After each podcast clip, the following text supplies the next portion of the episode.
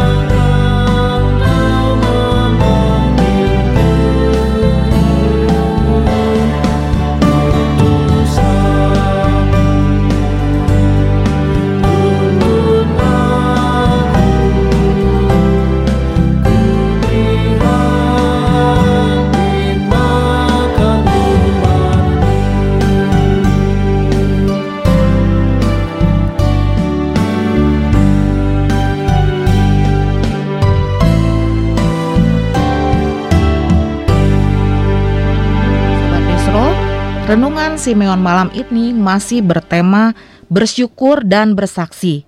Dan topik hari ini adalah Roh Kudus memilih dan turut bekerja. Marilah kita mendengarkan renungan pada malam hari ini bersama dengan Bapak Pendeta Joshua Sihaan. Silakan Bapak Pendeta. Selamat malam saudara-saudara, saudara uh, rekan-rekan dari sahabat Maestro. Pada malam hari ini kita akan mendengarkan firman Tuhan masih di seputar topik yang sudah disebutkan tadi. Karena itu, mari kita memperhatikan firman Tuhan, kita mendengarkannya. Saya minta kepada Amang Stanggang untuk membacakan kebenaran firman Tuhan. Firman Tuhan pada malam hari ini diambil dari Kisah Para Rasul 13 ayat 1 sampai 12. Judulnya Barnabas dan Saulus diutus. Pada waktu itu, dalam jemaat di Antioquia ada beberapa nabi dan pengajar, yaitu Barnabas dan Simeon yang disebut Niger, dan Lukius orang Kirene, dan Menahem yang diasuh bersama dengan raja wilayah Herodes dan Saulus. Pada suatu hari ketika mereka beribadah kepada Tuhan dan berpuasa, berkatalah Roh Kudus, Khususkanlah Barnabas dan Saulus bagiku untuk tugas yang telah kutentukan bagi mereka.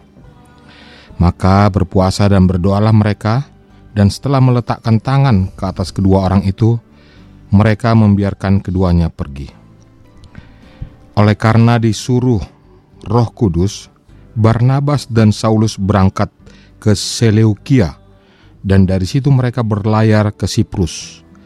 Setiba di Salamis, mereka memberitakan firman Allah di dalam rumah-rumah ibadat orang Yahudi. Dan Yohanes menyertai mereka sebagai pembantu mereka.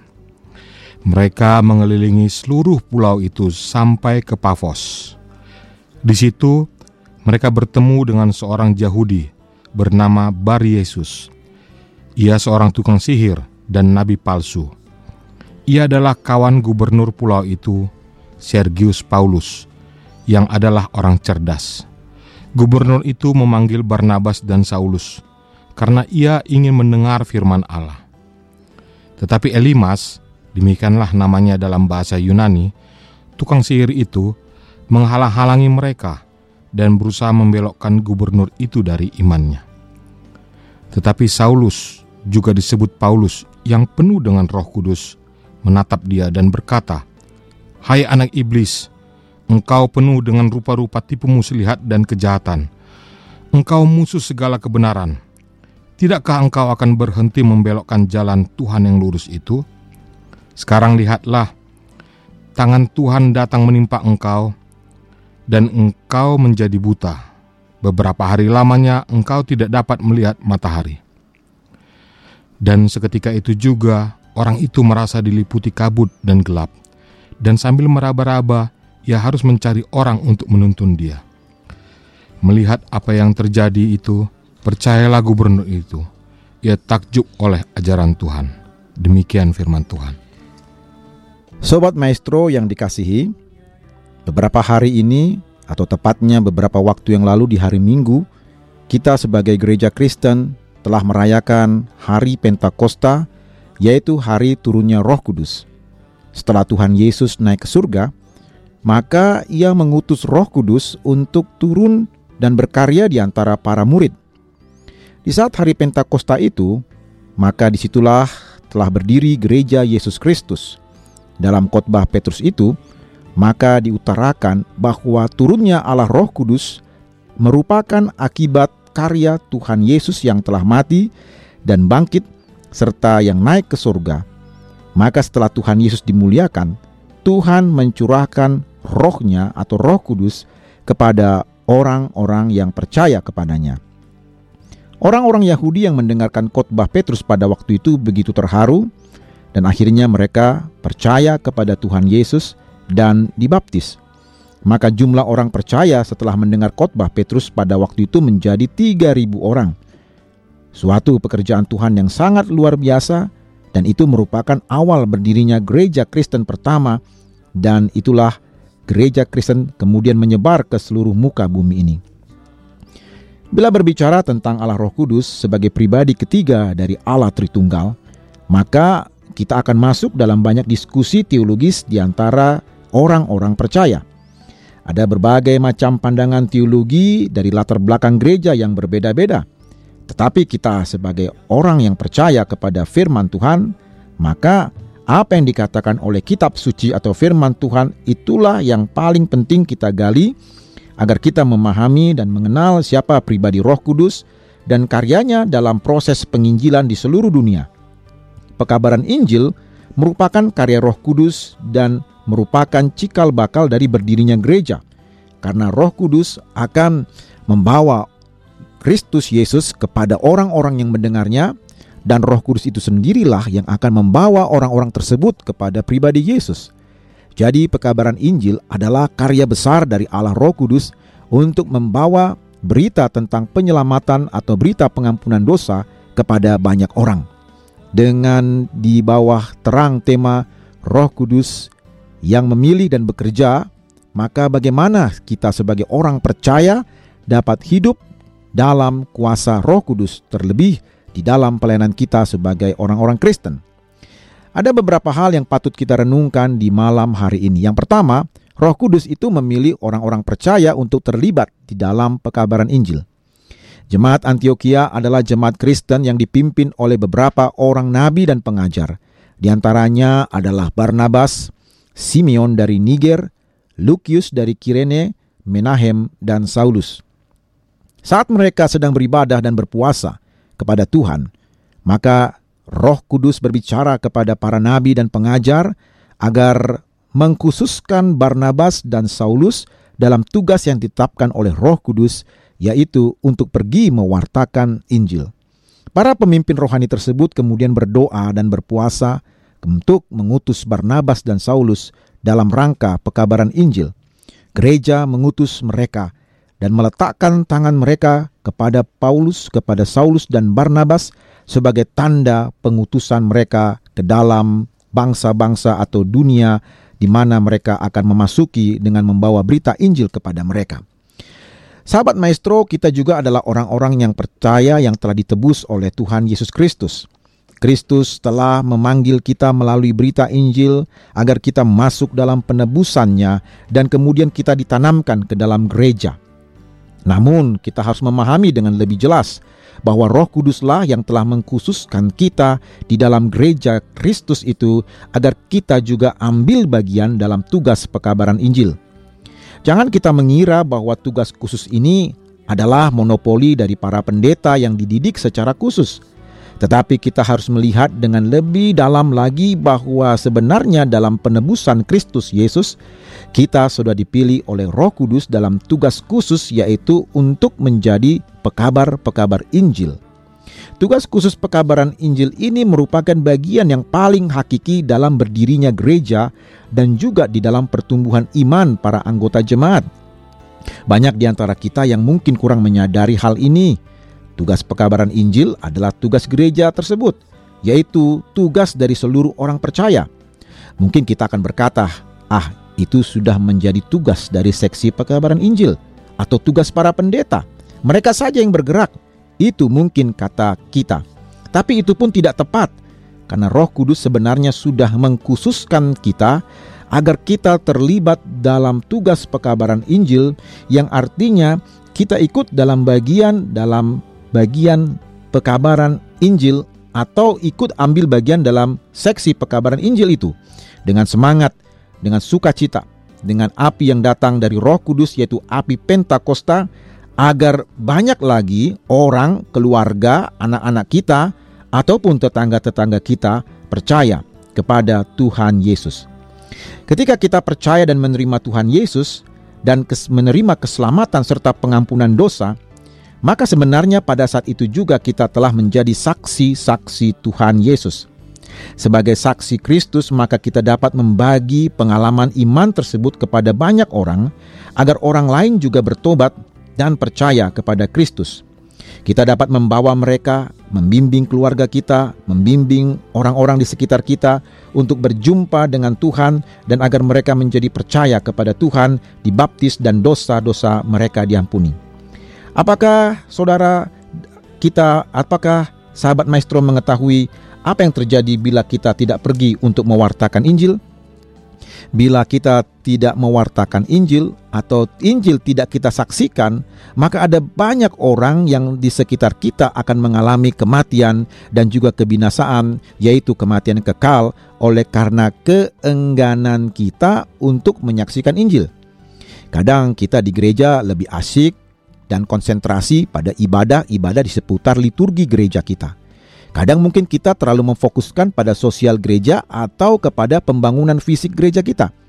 Kita sebagai gereja tidak lagi mendengar panggilan Roh Kudus agar kita bangkit dan bergerak dalam tugas khusus, yaitu pekabaran Injil kepada anggota-anggota gereja kita maupun kepada orang-orang di luar daripada gereja kita. Kalau kita tilik sebentar, beberapa teman-teman Kristen kita mungkin sudah tidak lagi ke gereja atau beberapa pemuda Kristen di gereja kita lah sudah tidak lagi datang ke gereja atau mungkin ada beberapa orang tertentu yang telah sakit hati kepada gereja ataupun kecewa kepada Tuhan sehingga mereka tidak lagi ke gereja. Sobat maestro yang dikasihi, di situlah kita sebagai orang percaya dipanggil dan diutus oleh Roh Kudus untuk kembali dalam tugas pelayanan ini. Roh Kudus memanggil kita untuk mengabarkan firman, dan kita harus secepatnya merespon firman ataupun panggilan Roh Kudus itu untuk menjadi saksi bagi keluarga, anak-anak kita maupun sesama kita. Mari kita dengan sungguh-sungguh menerima panggilan ini dengan hati yang terbuka. Yang berikutnya, sahabat Maestro, Roh Kudus kemudian membimbing Barnabas dan Saulus untuk pergi ke Salamis dan mengajarkan firman Tuhan di rumah ibadat orang Yahudi. Roh Kuduslah yang menyuruh mereka dalam perjalanan ke arah itu. Roh Kuduslah yang menuntun mereka. Roh Kuduslah yang mengarahkan tujuan pelayanan mereka. Artinya, mereka sungguh-sungguh mendengar pimpinan Roh Kudus ke mana arah pelayanan mereka, bagaimana cara penyampaiannya, kepada siapa mereka harus bersaksi.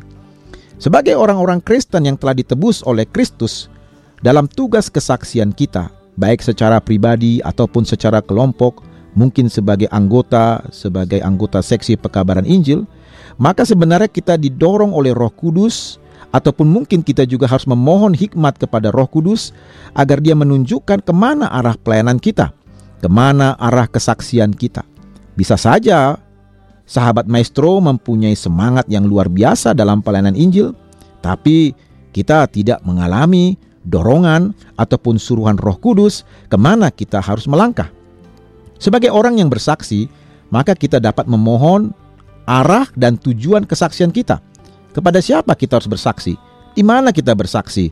Tentu kita harus berdoa, memohon kepada Allah agar Ia menunjukkan kepada kita jalan mana yang harus kita tempuh untuk menjadi saksi dan bagaimana cara yang kita pakai untuk bersaksi dan siapa kepada siapa kita harus bersaksi. Maka di situlah kita harus memohon kepada Allah Roh Kuduslah yang menuntun semuanya itu. Kita juga dapat mempersiapkan diri untuk memberitakan Injil kepada orang-orang yang telah kita doakan. Memberitakan Injil harus kita pelajari dengan baik, bukan asal sembarang memberitakan. Tentu kita harus mengalami proses belajar bagaimana cara memberitakan Injil yang baik. Harus kita kuasai dengan baik metodenya, apalagi apabila kita mengetahui siapa yang akan kita injili atau yang akan kita saksikan tentang iman kita. Dengan demikian, kita dapat berdoa, memohon agar Roh Kudus memberikan hikmat, kebijaksanaan, serta kita didorong, dipimpin dalam kesaksian yang tepat, tempat yang tepat, dan orang yang tepat. Maka kita harus berdoa kepada Allah. Dan yang terakhir adalah Roh Kudus mengalahkan kuasa gelap. Roh Kudus juga mendorong Barnabas dan Saulus dalam pekabaran Injil akhirnya berjumpa dengan Gubernur Sergius Paulus. Gubernur ingin mendengarkan Injil, tetapi ada seorang tukang sihir dan nabi palsu yang bernama Bar Yesus mencoba menghalangi sang gubernur untuk mendengarkan Injil. Bar Yesus atau Elimas, yaitu tukang sihir, ingin membelokkan sang gubernur agar ia tidak percaya kepada Tuhan Yesus. Paulus yang dikuasai oleh Roh Kudus mengatakan bahwa karena kejahatan Elimas itu yang mencoba mengalihkan perhatian sang gubernur dari Injil, maka ia akan menjadi buta beberapa hari lamanya. Sobat Maestro, dari sini kita melihat bahwa setan-setan juga memakai orang-orang atau nabi-nabi palsu dan juga menggunakan kuasa gelap untuk membutakan banyak mata rohani orang agar mereka tidak mendengarkan Injil atau berita sukacita dan menghalangi mereka untuk mendengarkan firman keselamatan. Injil itu adalah berita Tuhan Yesus, berita tentang keselamatan umat manusia, berita tentang kebebasan dan kelepasan dari kematian, dari kuasa dosa, dan juga dari roh-roh jahat. Segala bentuk usaha dan upaya untuk menghalang-halangi pekabaran Injil, maka itu sebenarnya datangnya sumbernya dari roh-roh jahat. Bila ini yang kita hadapi, maka kita dapat berdoa kepada Allah, kepada Tuhan kita Yesus Kristus, agar Roh Kudus memberikan karunia-Nya dalam melayani dan mengusir kuasa-kuasa setan dari orang-orang yang ingin mencoba menghalangi pemberitaan Injil. Bila kita dalam pelayanan dalam kuasa Roh Kudus, maka kita akan mengalahkan segala bentuk kuasa gelap itu. Kita akan melihat kuasa-kuasa setan itu dikalahkan. Kuasa Roh Kudus dinyatakan, roh-roh jahat dikalahkan, kuasa kesembuhan dan mukjizat terjadi, dan pelayanan kesaksian kita membawa banyak orang kepada iman. Dalam pelayanan kesaksian ini juga kita berhadapan dengan orang-orang yang berpikir sesat, para penyesat, dan juga pengajar-pengajar palsu. Dalam menghadapi para pengajar sesat ini, maka kita sebagai orang Kristen juga harus memperlengkapi diri dengan pengetahuan Alkitab dan juga diperlengkapi dari kuasa Roh Kudus. Di balik para pengajar sesat itu ada kuasa jahat, ada roh-roh setan yang ingin menyesatkan banyak orang dan ingin supaya atau mendorong banyak orang untuk tidak berjumpa dengan Tuhan. Bila roh-roh jahat itu ada dan bekerja dengan begitu kuatnya menghalangi orang mendengarkan Injil, di situlah kita sebagai gereja, di situlah kita sebagai orang percaya memohon kehadiran Roh Kudus untuk melindungi kita dan memperlengkapi kita dengan kuasanya untuk mengalahkan cara kerja roh-roh jahat yang menyesatkan itu. Bila demikian, maka sahabat maestro, kita dapat berdoa dan memohon kepada Kristus Yesus agar pelayanan kita sungguh-sungguh dikuasai oleh Roh Kudus. Hanya dengan kuasa Roh Kudus, maka kuasa si jahat itu dikalahkan dan kita akan melihat ada banyak orang yang mendengarkan Injil dan menjadi percaya kepada Tuhan Yesus. Sahabat maestro yang dikasihi, maka kita dapat berdoa dan bersekutu dengan Tuhan kita Yesus Kristus agar kiranya Roh Kudus mencurahkan apinya kepada kita Roh Kudus telah memanggil kita untuk bersekutu dengan Tuhan Yesus sehingga keselamatan dan pengampunan dosa menjadi milik kita. Maka pada saat itu sebenarnya Roh Kudus sudah memilih kita untuk mengerjakan tugas kesaksian menyaksikan tentang keselamatan Tuhan. Kita dapat juga berdoa dan memohon kepada Tuhan Allah kita dalam Kristus Yesus agar Roh Kudus menuntun kita di dalam kesaksian. Kepada siapa orang yang akan menjadi orang yang akan mendengar kesaksian kita, tempatnya dan cara kita menyampaikannya. Dan Roh Kudus juga yang memperlengkapi kita dengan kuasanya untuk mengalahkan kuasa-kuasa si jahat. Roh Kudus akan memampukan kita bersaksi kepada orang lain sehingga akan ada orang yang dilepaskan dari kesesatan. Dengan ini saya mengucapkan selamat Pentakosta untuk kita semua sahabat maestro yang dikasihi. Demikianlah sabda Tuhan.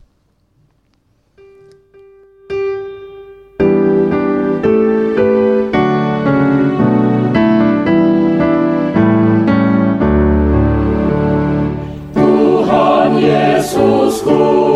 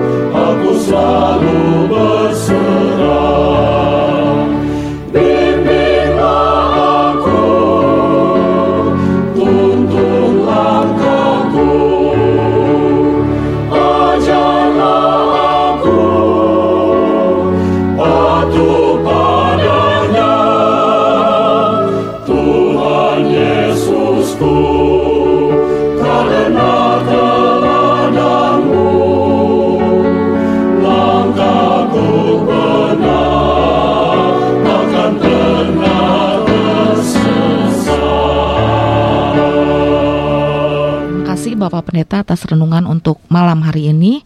Telah masuk di Radio Mesro saat ini pertanyaan yang akan dibacakan oleh Bapak Penatua Martahan Sitanggang.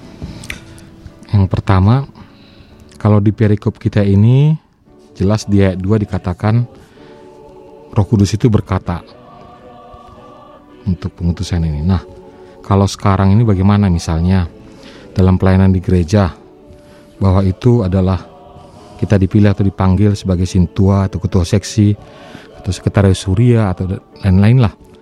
Bagaimana kita tahu itu bahwa kita itu dipilih atau dipanggil oleh Roh Kudus? Yang kedua, uh, selama ini ya kita tahu bahwa setelah Yesus naik ke surga, kita diturunkan Roh penghibur, Roh pendamping, penolong, yaitu Roh Kudus. Tapi kenapa peringatan atau perayaan tentang Roh Kudus itu kayaknya kurang kadang-kadang kayak lewat begitu saja dengan minggu Pentakosta udah selesai mungkin dua itu aja Amang Pendeta pertanyaannya mulai deh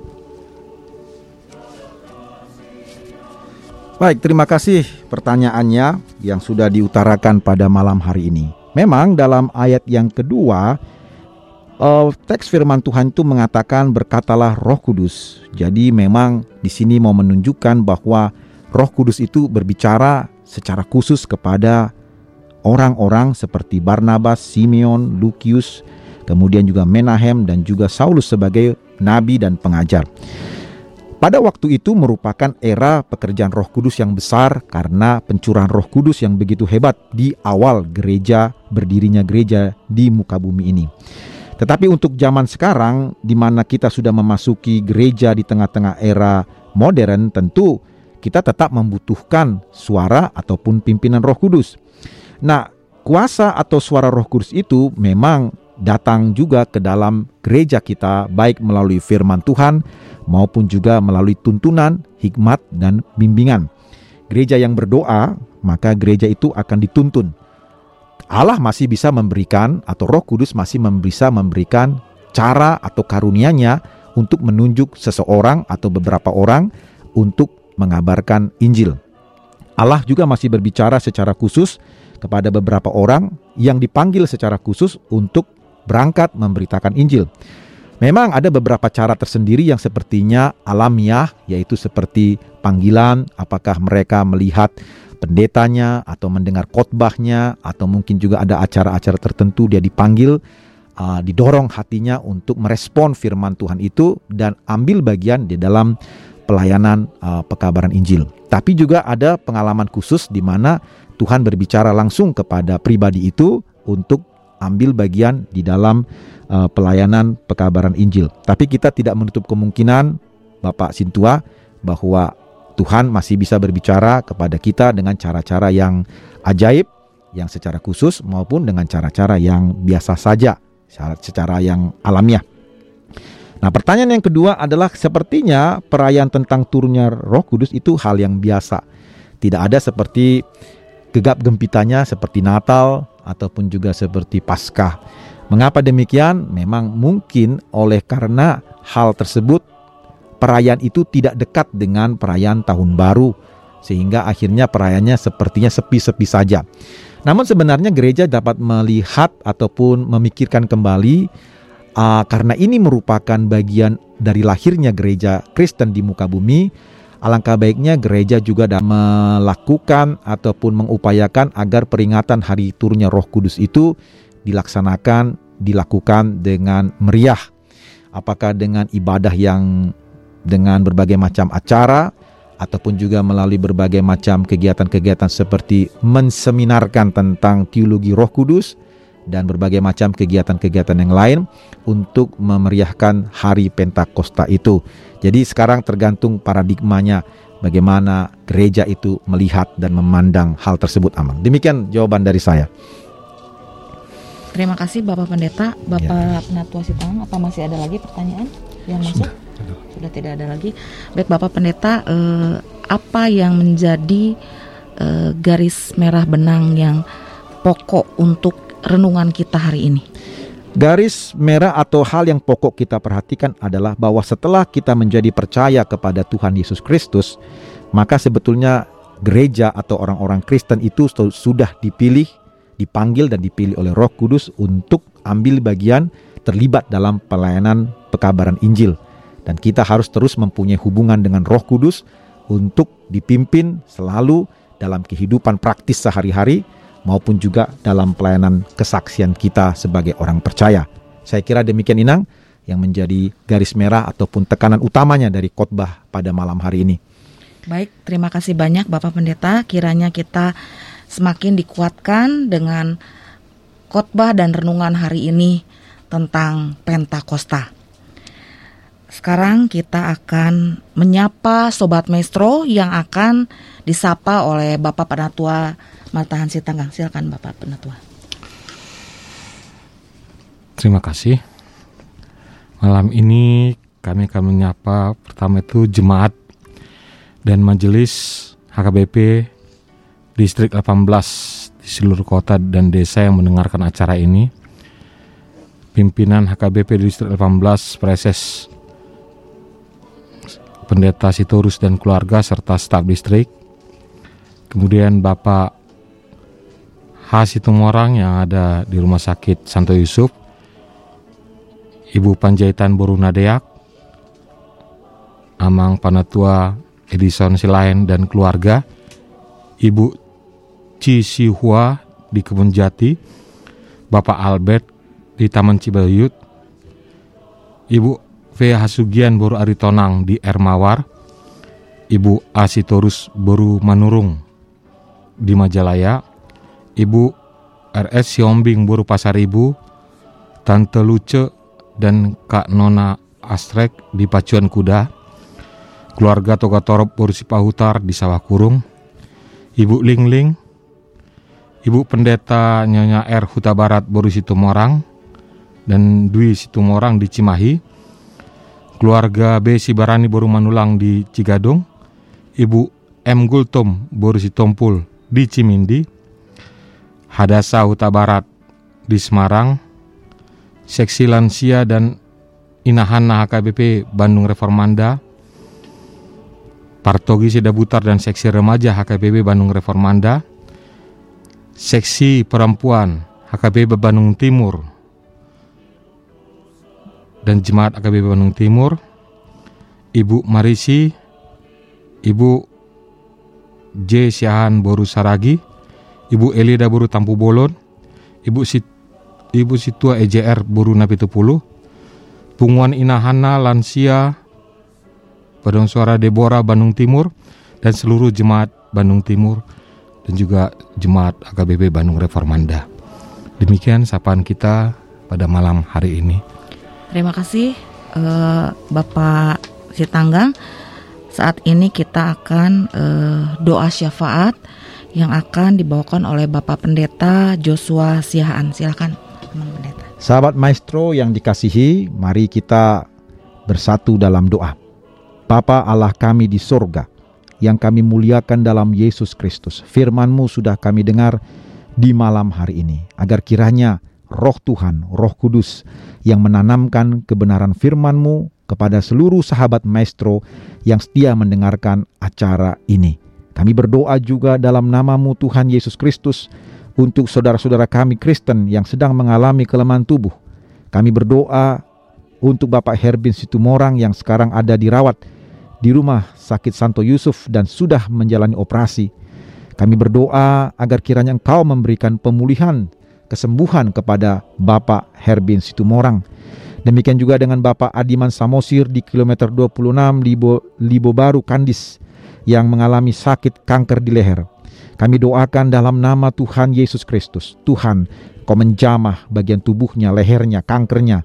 Dan kau mau ngangkat itu semua dari tubuhnya sehingga ia mengalami pemulihan dan kesembuhan.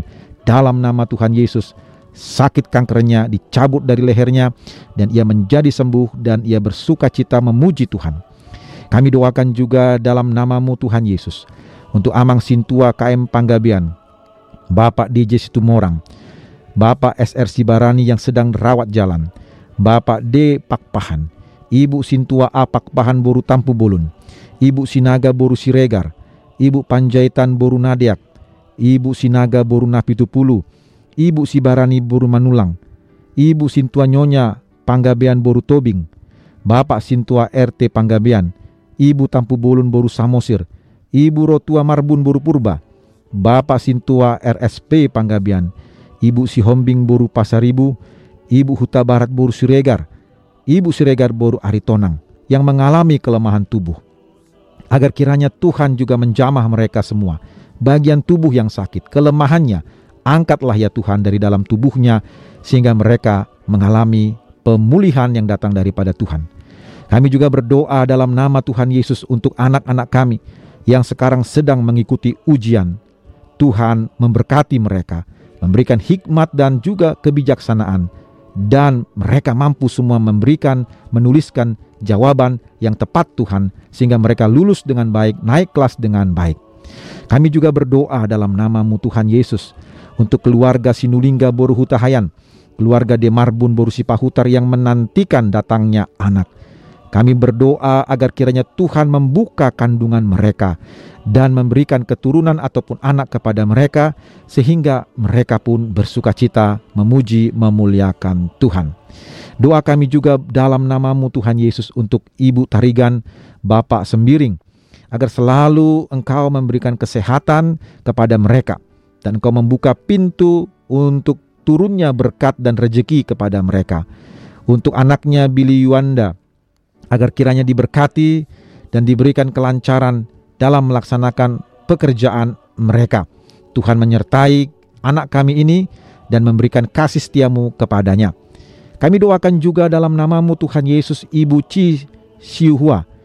Tuhan memberkati ibu ini dan memberkati anak-anaknya, mantunya, cucunya, semua keluarga besarnya Tuhan mau berkati, berikan kasihmu, kemurahanmu, dan kebaikanmu kepada keluarga besar ibu kami ini. Demikian juga kami doakan Bapa dalam nama Tuhan Yesus, agar engkau memberkati Dr. Dodi Lumban Gaul, Dr. Richard Tobing, dan juga Dr. Roy Cardo Pasaribu.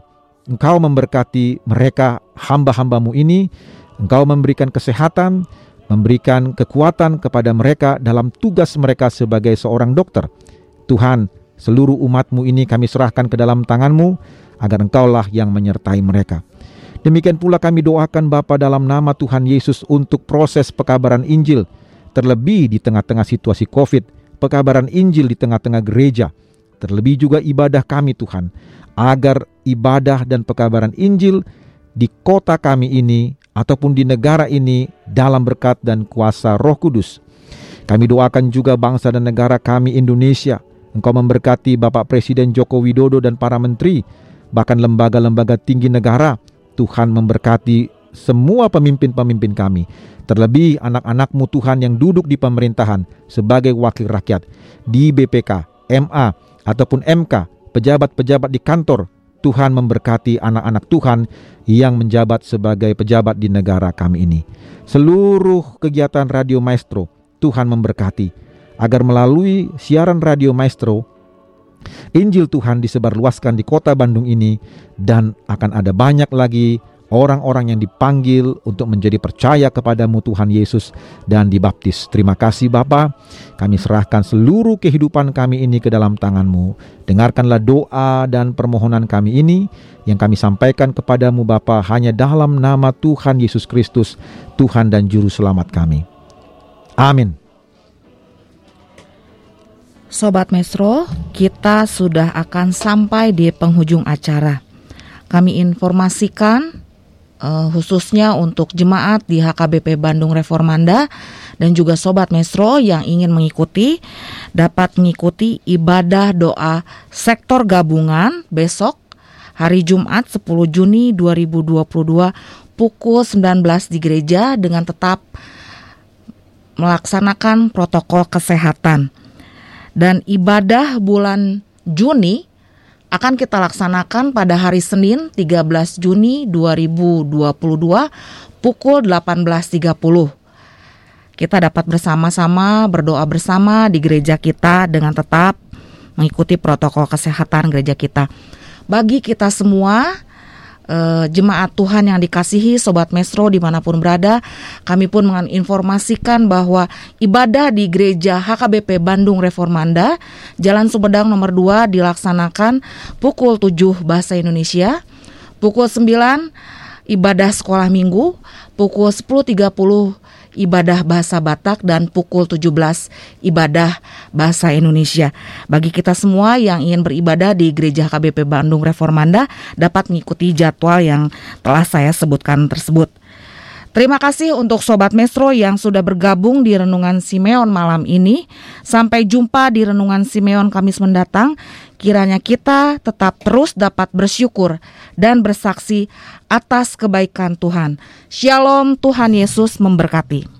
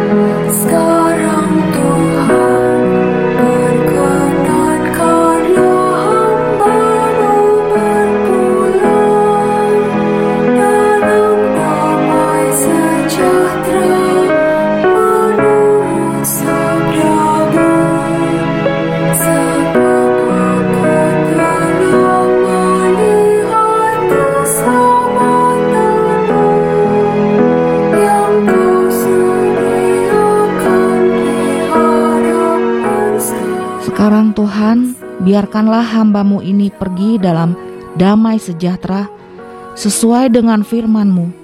Sebab mataku telah melihat keselamatan yang daripadamu, yang telah engkau sediakan di hadapan segala bangsa, yaitu terang yang menjadi penyataan bagi bangsa-bangsa lain dan menjadi kemuliaan bagi umatmu Israel.